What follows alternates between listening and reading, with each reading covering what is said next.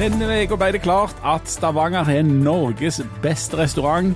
Reno har fått to stjerner i Michelin-guiden, men der skal iallfall aldri Geir Pollestad fra Senterpartiet gå. Og Vi skal høre en ganske så spektakulær bedragerihistorie som går fra Israel og Frankrike og Italia og til Jæren. Velkommen til Aftenbladet. Du er klar, Jan? Ja, og vi skal ha all slags gjester her. Kine Hult sitter klar her. Hun har åte mye godt over i Trondheim med Michelin-guiden. Velkommen skal du være. Takk. Og så Leif Tore Linde. Du, hvordan er det med deg i dag?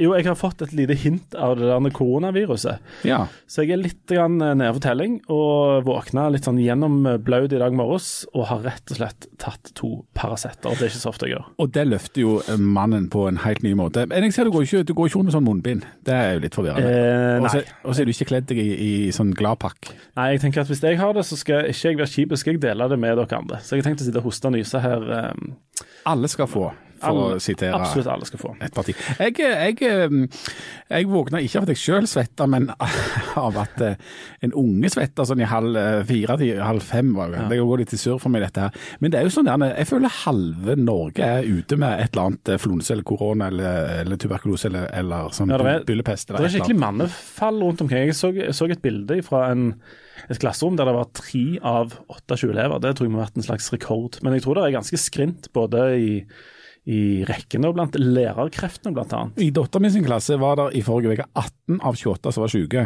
Eh, 18 av 28? 18 av 28, ja. Så, så da var det topp stemning, og nå er det altså han eh, minstemann da som eh, vakler rundt i, i febervillelse og alt i hop. Men det er viktig at noen av oss prøver å holde hjula gående og rullende i samfunnet. Det skal vi, og det gjør jo vi så godt vi kan. Du, eh, jeg lurte på en liten ting. Hvor, eh, på en skala fra én til ti, hvor snobbete vil du si at du er?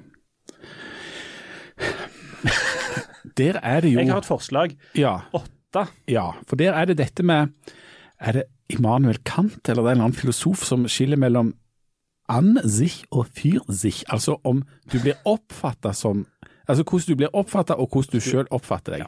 Og jeg tror at jeg blir nok oppfatta som ganske snobbete.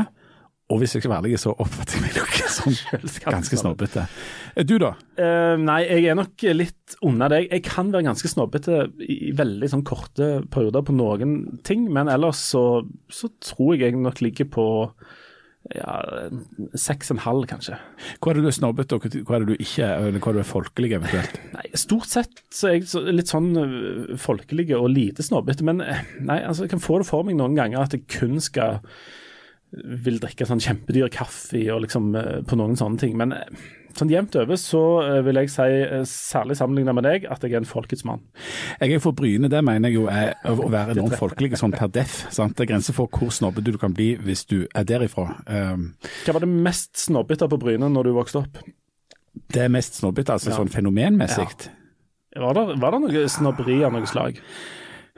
Ja, var det det? Det var sikkert noen som hadde noen sånne fancy biler. Jo, nei, vet du hva? Det som var det snobbete på Bryne da jeg vokste opp, det var tennis. At Tennis? tennis. Eh, for det ble oppretta eh, Bryne tennisklubb da, og, og, og der var det noe sånn enormt snobbete over da. Jeg var nede og slo noen slag jeg òg, eh, for det var inn da og mote og alt det greiene der, men det var, det var snobbete. Um, og Bryne tennisklubb, det er jo en selvmotsigelse. Ja, ja, men det var, det var ganske Jeg vet ikke om det var ganske bra, men det Du har jo tidligere stått fram og snakket om at du spilte fagott. Nei. Jeg har stått fram og spilt klarinett, det er jo folkelig. Enda verre.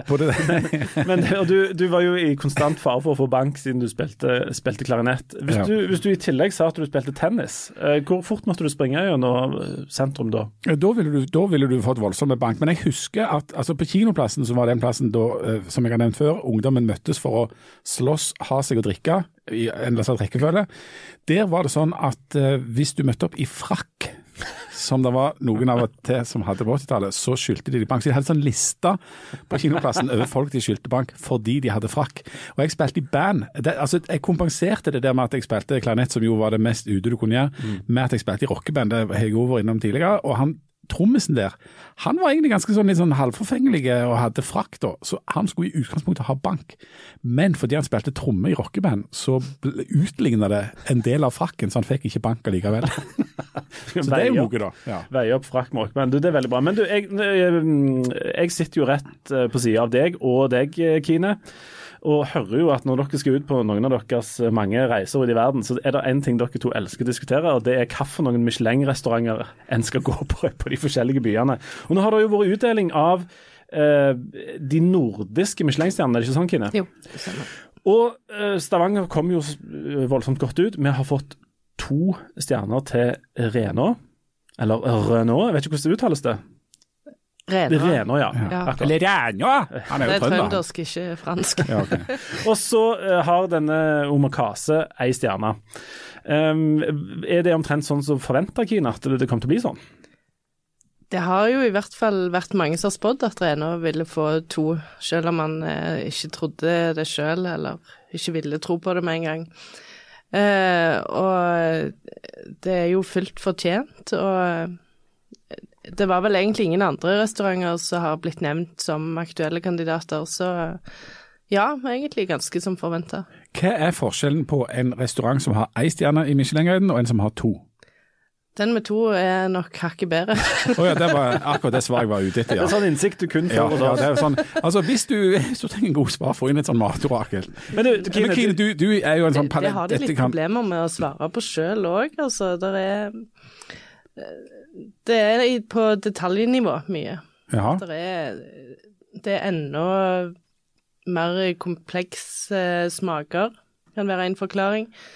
Eh, noen trekker òg fram et spesielt godt vinkart som en avgjørende faktor, og, og med det fysiske miljøet og hvordan servicen flyter. Alt. Eh, For, for nå er det sånn at Reno er den restauranten i Norge med flest Michelin-stjerner. Det er da altså nærmest per definisjon Norges beste restaurant.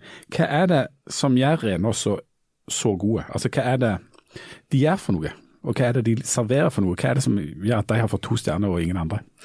Noe av det inspektørene i Michelin-guiden har trukket fram, er jo at de har et veldig, eh, en veldig lokal profil. At de aller fleste råvarene de bruker, de har de henta innenfor eh, ja, Renå sier selv en halvtimes radius fra restauranten.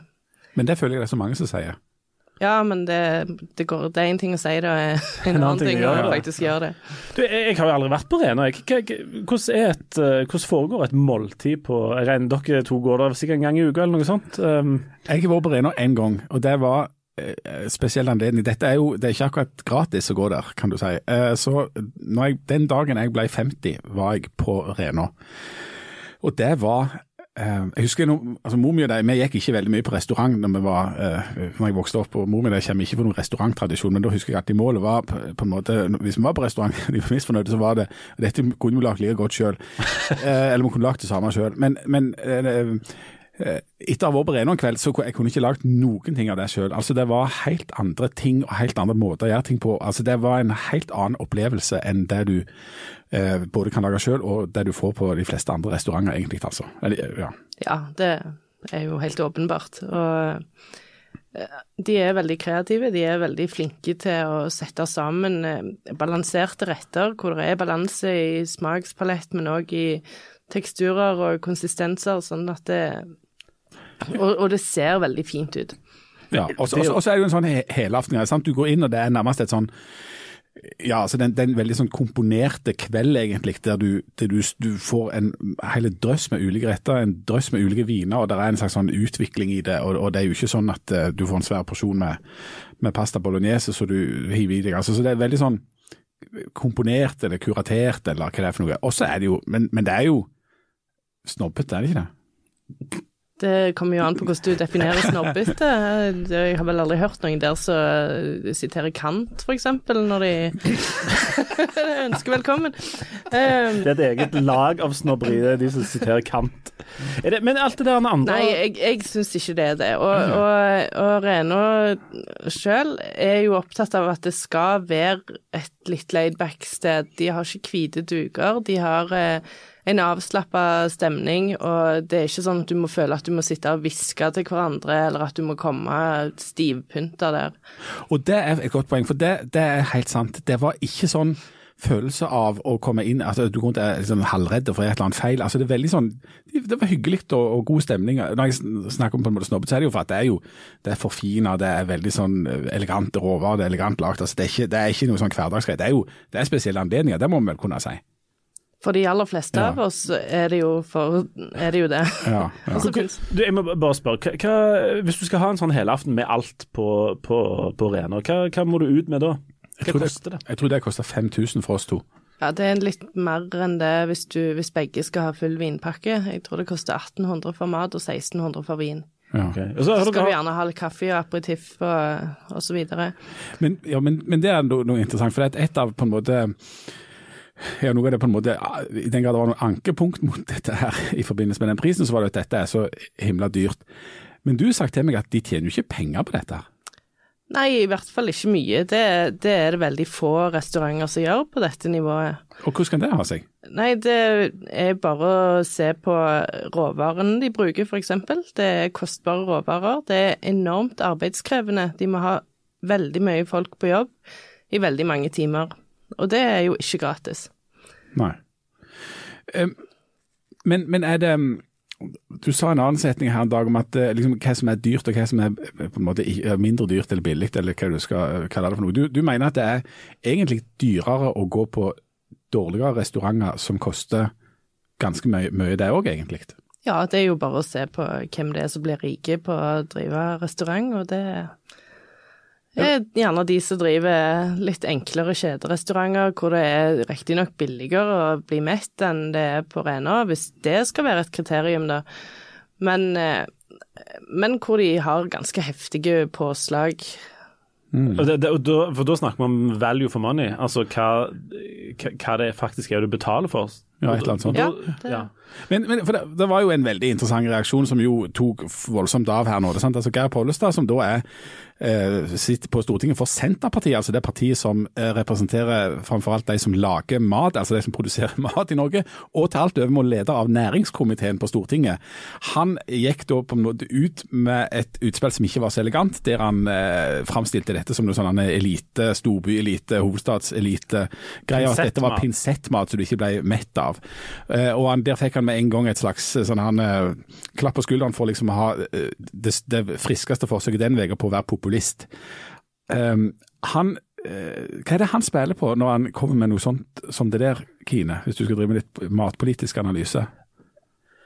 Der vil jeg tro at han nok hadde sett for seg at det var flere som som ville fnyse litt av det der Og det er så dyrt, og det er så fancy, og det, vi må gå og ta i pølser, for vi blir ikke mette av de der bitte små porsjonene, segmentet. Og så bommer han jo totalt på timingen, da, for det, folk liker jo når noen gjør det bra.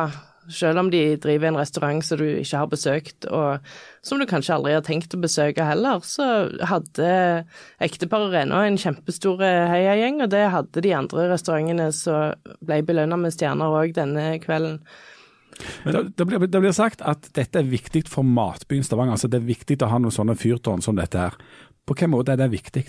Det sa eh, Håvard Hansen, professor i markedsføring på UiS, eh, noe om i går. Eh, han beskriver det sånn at når du har noen av disse topprestaurantene, så sier det litt om hva du kan forvente deg av restauranter i nivået, eller i sjiktet rett under de.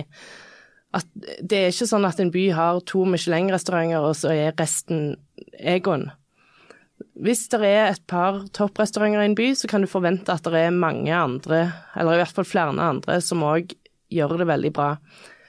Sånn at de, de, de beste restaurantene vil dra opp nivået på de andre. Ja, Men det- det har noe med både flyt av eh, personal og Men òg Det har òg noe med at eh, veldig mange reiser til matdestinasjoner som København litt fordi de har noen av verdens beste restauranter der. Helt uten at de har noen planer om å spise på de restaurantene.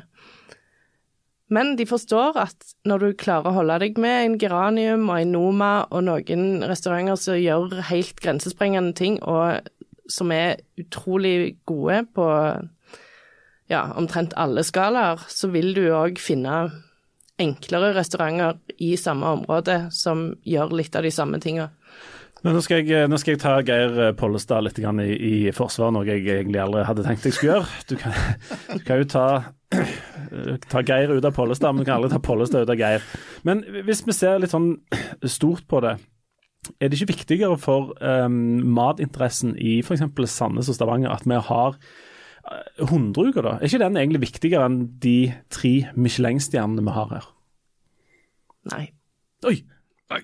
Jeg hadde håpet på et ja der. Jeg, jeg, for jeg tenker at det, det, Ja, altså, argumenter for det. Hvorfor skulle det være det? Nei, fordi at Der sender de ut uh, det jevne laget av befolkningen til å spise på mange restauranter. De selger eh, 80 000 i Sandnes og 60 000 måltider. Altså 140 000 måltider selger restaurantbransjen i løpet av de, uh, de to ukene der. Um, og sånn, Hvis du skal drive en restaurantbransje i stort, så tenker jeg at det kan være vel så viktig som at vi har om vi har én eller to eller tre restauranter med Michelin-stjerner. Det resonnementet hadde jo stemt hvis vi kunne påvise at denne 100-uka virker sånn at folk òg da bruker byen mye mer i de andre 50 ukene når det ikke er 100 uker i Sandnes. Mm. Litt usikker på det, altså. Jeg tror nok det er en del som går ut og spiser de der 100-kronersrettene de to 100 ukene, og så er det, er det de besøkene de har på spisesteder det året. Og da hjelper det jo ikke. Hvor langt unna er Stavanger å få flere restauranter med Michelin-stjerne, i den grad det er et mål? For det er vel noen som har ambisjoner om å være på det nivået? Jeg vet ikke om de har ambisjoner, men de er nok et stykke ifra. Jeg tror ikke Det er jo bare tango i så fall. Ja. Og jeg tror ikke de er der ennå.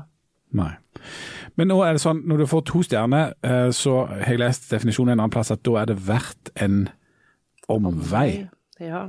Er det folk som kommer til å ta en omvei til Stavanger nå for å ete på Rena? Ja, det tror jeg definitivt. Det er òg flere som kommer til å ta den omveien fordi det er mer enn én stjernerestaurant i byen. De må bare være voldsomt gode planleggere, for det er ikke så lett å få bo på disse plassene. Nei, det er ikke det, men det finnes jo folk som reiser rundt som er matturister. Det, det, det de ser etter når de skal bestemme sine helgeturer og ferier, er hvor kan jeg få et eh, fantastisk måltid? Og så er de ute i god tid og planlegger dette. Så det er mange som kommer til Stavanger og spiser på omakase den ene dagen og på Rena den andre. Og Der var det òg en diskusjon om det folkelige versus det si, snobbete. Er det mer eller mindre folkelig å reise på fotballtur til Manchester eller til London enn å reise til en by og ete godt? Ja, det er mer folkelig, men det, det, koster omtrent det samme. Så ja. da er det jo um du må finne ut hva du liker, da. Men jeg vet jo om folk som reiser på fotballtur til London og spiser Michelin-restaurant. Så dette her er eh, Vi kan vel konkludere med at den øvre middelklassen har, har, sitt, har sitt å stri med, kan vi ikke det? Det er beinhardt å være norsk middelklasse. Det er knallhardt. Du, vi, får, vi forlater uh, restaurantbransjen um, med det, og så skal vi over på svindel, bedrageri og kjeltringer. Hør på dette. Dette er historien om da en gruppe uvanlig kreative kjeltringer slo til i Stavanger. Kjeltringer som hvert år svindler til seg milliarder av kroner over hele verden, med metoder som kan synes hentet rett ut fra actionfilmer som Mission Impossible. Klokken nærmer seg ti på kvelden da skyvedørene inn til politikammeret i Lagårdsveien åpner seg. De to alvorstyngede mennene i 50-årene som kommer inn, har lagt bak seg noen uvirkelige timer. De jobber i samme selskap, og i løpet av de siste ukene har den eldste av de to overført nesten 150 millioner kroner til bankkontoer i Hongkong. Nå har de akkurat oppdaget at de er blitt rundlurt. De har oppsøkt politistasjonen for å anmelde det som trolig er norgeshistoriens største bedrageri. Ja, dette ble litt av noen greier. Velkommen Hans Petter Aas og Cornelius Munkvik. Dere er journalister i Aftenbladet, og dere har jobbet en stund med denne saken. Det er, det er jo en helt elleville historie som en skal få lese om i lørdagens Aftenblad. Er det ikke Hans Petter? Jo, det vil jeg jo påstå. Dette er um, mennesker som er villige til å gå ganske langt for å lure andre, kan du trygt si. Ja, Cornelius, du jobber jo som krimreporter, men dette er krim på en litt annen måte enn uh, lommetyveri og et slag en fredagskveld? Det kan du trygt si. Dette er helt spesielt. Uh, men samtidig er det noe som kommer mer og mer.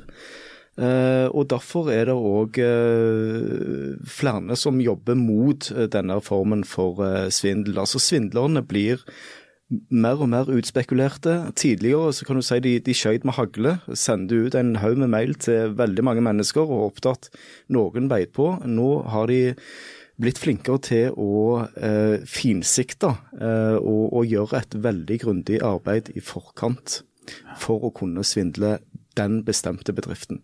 Hvordan kom dere over denne saken? Det som skjedde var at i fjor høst så var det et selskap i Stavanger som eh, heter Edison, et oljeselskap. Som ble kontakta av noen og lot seg lure da, til å betale ut opp mot 150 millioner kroner. Og det, og bare for å si det, det beløpet er tre ganger Nokas-ranet. Det er tre ganger det beløpet som er savna etter Nokas-ranet. Uten å bruke pistol, uten å bruke trusler, men rett og slett bare lure folk til å betale ut. Og Det som skjer da, er jo at dette er rett og slett norgeshistoriens største bedrageri, antagelig. Og det ble jo Cornelius og jeg veldig nysgjerrige på. Så da har vi gravd i det, og vi har funnet ut hvem som står bak, og, og, og kartlagt det miljøet, da. Og det er litt av noen historier som dukker opp i kjølvannet av disse folkene. Hvem er disse folka? I dette tilfellet så er det da eh, opprinnelige franske statsborgere som har eh, rømt til Israel og driver kriminaliteten sin derfra. Og, og denne kriminal, altså det, disse svindlene, kan, kan, dere fortelle litt om hvordan de foregår? Altså Hvordan svindler en til seg 150 millioner? Ja, Ikke fordi at jeg vil lære, altså, du, eh, men jeg, har, eh, jeg er faglig interessert. Jeg kom veldig dårlig ut av dette. Ja, det kom veldig, veldig dårlig. Ja, men altså, eh, Garderoben din tyder jo på at du har vært innom dette temaet før. Og vi har nettopp snakket om sånn Michelin-restauranter og sånne ting. Men glem nå meg oppi dette her. Det er ikke lett. Disse folka, hvordan klarer de å svindle? Eh, bedrifter som, altså ordentlige, skikkelige bedrifter av 150 millioner? Ja, De har jo forskjellige måter å gjøre dette på. Men eh, det, det, det, som er eh, det vanligste, da, det er at de bruker da mail og telefon. Og så har de gjerne da, i hvert fall i de store eh, bedrageriene, så har de da forberedt seg. Så de har kartlagt både kulturen til bedriften, de har kartlagt ledelsesstruktur, de vet hvem som sitter i hvilke posisjoner. Og så sikter de seg inn på én en enkelt person, som sitter da med penger og muligheten, fullmakter, og økonomiske fullmakter til å føre over penger. Og så er de rett og slett da mestere i psykologisk spill. De, de, utgir seg da for å være en sjef, gjerne toppsjefen, sånn som i dette tilfellet som er utgangspunktet for vår sak. Så, som de da eh, later som de er han, og så de, føler jo da den personen som blir utvalgt til å være med på et helt spesielt prosjekt, han føler seg jo da privilegert, og oi, toppsjefen, selveste sjefen for hele svære konsernet har lagt merke til akkurat meg. Og så klarer de da å manipulere vedkommende da i dette tilfellet til å betale ut da opp mot 150 millioner kroner før de da skjønner at vi er, vi er jo faktisk rundlurt. Men hvordan jobber dere for å finne ut av dette her, Cornelius? Nei, altså det er, jo, det er jo, gode, gamle journalistiske metoder. Det å snakke, snakke med mennesker. Eh, den, Googling? Googling, ja nei. I denne saken her så har vi jo vært innom mange eh, israelske medier, og som òg har omtalt eh, denne saken. Franske medier og har funnet en del. Eh, vi har jo vært i kontakt med, med ganske mange, og eh, spesielt du, Hans Petter, eh, rundt det selskapet som er blitt svindla. Men er dette noe de gjerne snakker om? Er det velvillige kilder eller motvillige kilder? Det er jo en annen ting når det gjelder, når det gjelder privatpersoner og gjerne spesielt bedrifter som blir utsatt for svindling, så er det ganske tabubelagt. Det er flaut. Så, så, eh, politiet regner jo med at det er store mørketall her. Eh, så det er jo vanskelig å få folk som er utsatt for svindel i tale. Det, det er vanskelig. Når, når, vi velger å identifisere selskapet i denne saken, så er jo det fordi at selskapet sjøl Dette ble så stort beløp at selskapet sjøl så seg nødt til å sende ut en pressemelding om det i Italia. Da. Det er jo et italiensk aid selskap. Det. Men det som er veldig fascinerende når du snakker om, eh, om dette miljøet da, altså Dette er jo da folk i Israel. Sant? Det er opprinnelige franskmenn, og denne, denne metoden her er utvikla av folk i Frankrike, og mange av de har senere flytta til Israel. og Der har de gjort noen helt elleville ting som vi kommer inn på. Dere husker kanskje denne maskesvindelen? Ja. ja. altså Det er jo en link da mellom ja, forklar, det miljøet forklar, her. Forklar maskesvindelen, for det er ikke alle som kjenner til den. Nei, men bare for å si Det det er en link mellom det miljøet i vår sak da, og som har operert i Stavanger, og denne maskesvindelen. Og maskesvindelen den gikk da ut på at eh, for, for, tre år siden, så, fire år siden, så var det da flere rikinger rundt om i verden, særlig franske statsborgere, som ble kontakta av den franske forsvarsministeren. Ja, akkurat. Ja, Og den franske forsvarsministeren han kunne da fortelle at øh, vi har en del gisler i Mali og i Syria som er tatt av islamistiske grupper. Vi kan ikke betale løsepenger. Da er det, det er et problem. Men du kan kanskje hjelpe oss, du rike menneske. sant? Du kan, øh, for at øh, Hvis vi begynner å forhandle med terroristene, så går det ikke. Men du kan. Og for å så på en måte bygge opp under dette, så eh, ringte de jo på Skype. Sant? Altså Den franske forsvarsministeren ringte da disse rikingene på Skype. Eh, Så det var jo ganske overbevisende. Og sånn fikk de ut da Ja, altså- altså, rundt sånn 500-600 millioner kroner. Men altså med bilde, da? Sant? ja, Skype? ja, Skype-bilde. Ja. Ja. Video. Skype-video. Ja. Men det var ikke Nei, det var, jo ikke, det var jo ikke han. Det var bare disse svindlerne som hadde da fått laga en silikonmaske som gjorde at de så ut som den franske forsvarsministeren. Og det er også, blir òg brukt altså, stemmemanipulasjon og Kunstig intelligens. kunstig intelligens, ja. Ja. Som jo gjør at det er ekstremt vanskelig å verge seg mot sånne ting. Mot de verste tilfellene så er det, det veldig vanskelig å verge seg mot det. For da, da har de altså eh, software som rett og slett eh, de, de kopierer stemmen til den personen de utgir seg for å være. Så da hjelper det egentlig ikke å, å, å hvis du, Selv om du kjenner vedkommende som sjef, da, som, som du på en måte får et oppdrag fra, så ja, men det høres ut som han. Det må jo være han. Så det hjelper ikke Du, du kan tenke jeg må ringe eh, Stemmer dette? Står det en e-posten, og så ringer du et nummer, og så får du en person som høres ut som den personen det skal være. Eller du blir oppringt på Skype og ser et bilde av den personen det skal være. Da er det jo eh, komplisert. Det er komplisert, da, men det er sjelden de blander alle disse. Og de vanligste er jo bare rett og slett manipulasjon. Altså at du får en mail. eh, Gjerne fordi at de har hacka mailsystemet på forhånd, eller fordi at de har laga en mailadresse som ser helt lik ut, og så er ikke folk helt oppmerksomme. Og så, og så setter de det gjerne opp med en til. altså De er to som driver og legger press på. Det er da toppsjefen. Som, den som blir lurt, da tror det er toppsjefen i selskapet som ringer. Og så I tillegg så kobles det gjerne på da en advokat som skal drive gjennom denne overførselen og alt mulig sånn. Og, og, og, da, da, da ringer de vedkommende i, og mailer vedkommende i senk. Og legger press på, da. Og Dette kalles for CEO-fraud, som på norsk kan det på norsk, ja. som, Det blir sikkert veldig fint på- på direkt- jærdialekt. Ja, direktørbedrag. Men når vi snakker om jærdialekt dette ja, sant, Det er jo til å forstå at store firmaer der det er masse penger i sving, der kan du hente ut stor gevinst. Men dere er òg innom et helt vanlig menneske ifra Jæren Ja. som har havna oppi dette her uforvarende. Ja, eh, politi kaller det for muldyr. Jaha. Det er da altså eh, en person som hjelper til med hvitvasking. Av store beløp av penger. Av store beløp av penger, ja. Eh, I dette tilfellet her eh, så var det eh, det var ei kvinne i 50-årene, eh, bosatt ute på Jæren, som kom i kontakt med en person eh, på Tinder. Eh, som hun fikk følelser for, eh, og, og prata mye med i sosiale medier. Og plutselig så spurte han da om hun kunne være behjelpelig med å videreføre noen penger som hun kom til å få overført til sin konto. Og hun, eh, Jeg prata med henne, hun, hun sier det at hun ville jo selvfølgelig hjelpe denne vennen. Så hun gjorde det, eh, og hun gjorde det flere ganger. Eh, Når det da plutselig kom et veldig stort beløp inn på kontoen hennes eh, i millionklassen, I millionklassen, ja. så, så syns hun at det var noe voldsomt, det da. Eh, Hun hadde skutt gullfuglen. ja, ikke sant. Nei, men altså da i det tilfellet der, så tok banken kontakt med hun, for de hadde jo lagt merke til dette her. Eh, dette var jo, var jo noe som fikk varsellampene i banken til å, til å lyse. Og hun ble kontakta av banken og fikk beskjed om å kontakte politiet. Så når hun da kontakta politiet og tenkte jo at nå, nå må de få satt fast dette som kan være en svindel, så ender hun selv opp med å bli dømt da til ett års ubetinget fengsel. Hun nekter jo for at hun har gjort dette med viten og vilje, men, men hun ble dømt for det. Yes. Du, de, Disse kjeltringene som, er, som holder på her, altså dere snakket om eh, frans, med franskmenn som nå bor i Israel. Er det sånn at dere en dag bare tar oss og ringer til dem og, og, og Hello, this is uh, my name is Cornelius Munkvik calling from the Stavanger Aftenblad in Stavanger. Are you, Hello. are you swindling uh, people's uh, Det er ikke noe mye vits å forsøke å kontakte dem. Nei, det, altså, nå, nå, nå jobbes det jo med å få to av disse her sikta personene utlevert til Norge. Eh, fikk opplyst nå av politiet at israelsk tingrett skal behandle det utleveringsspørsmålet i slutten av mars. Så Det blir jo spennende å se det om, eh, om de kommer her til og blir stilt for retten her. Ja, for det, for det, det er jo vanskelig å, å verge seg mot hvis du er bedrift, eller du kan havne oppi noe som du virkelig ikke ante eh, hva det gikk i. Men er det tilsvarende vanskelig å etterforske og ta disse folka?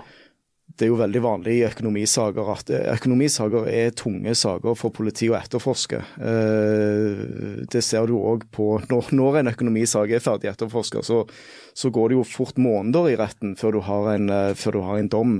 Så dette er saker som, som, krever store ressurser fra politiet å etterforske. Det som er litt viktig her, det er jo at altså bare for å si litt om omfanget. I fjor så ga FPU ut en rapport som sier at på halvannet år så hadde denne type da, direktørbedragerisvindler gitt et utbytte på 11 milliarder kroner. På, I, i, på, på verdensbasis, ja, da? Ja, på verdensbasis. Ja. Men det er altså da, det som er interessant med vår sak, da, det er jo at for det første så får du da en stor historie presentert her. altså Dette viser jo at dette rammer også lokale bedrifter. I tillegg til at vi da har eh, et, et såkalt muldyr da, som har hjulpet andre direktørbedragere med å hvitvaske penger, som også er her. Så dette er verdensomspennende, men det er også lokalt. Og det finnes en haug med lokale bedrifter som har opplevd dette på mye mindre nivå.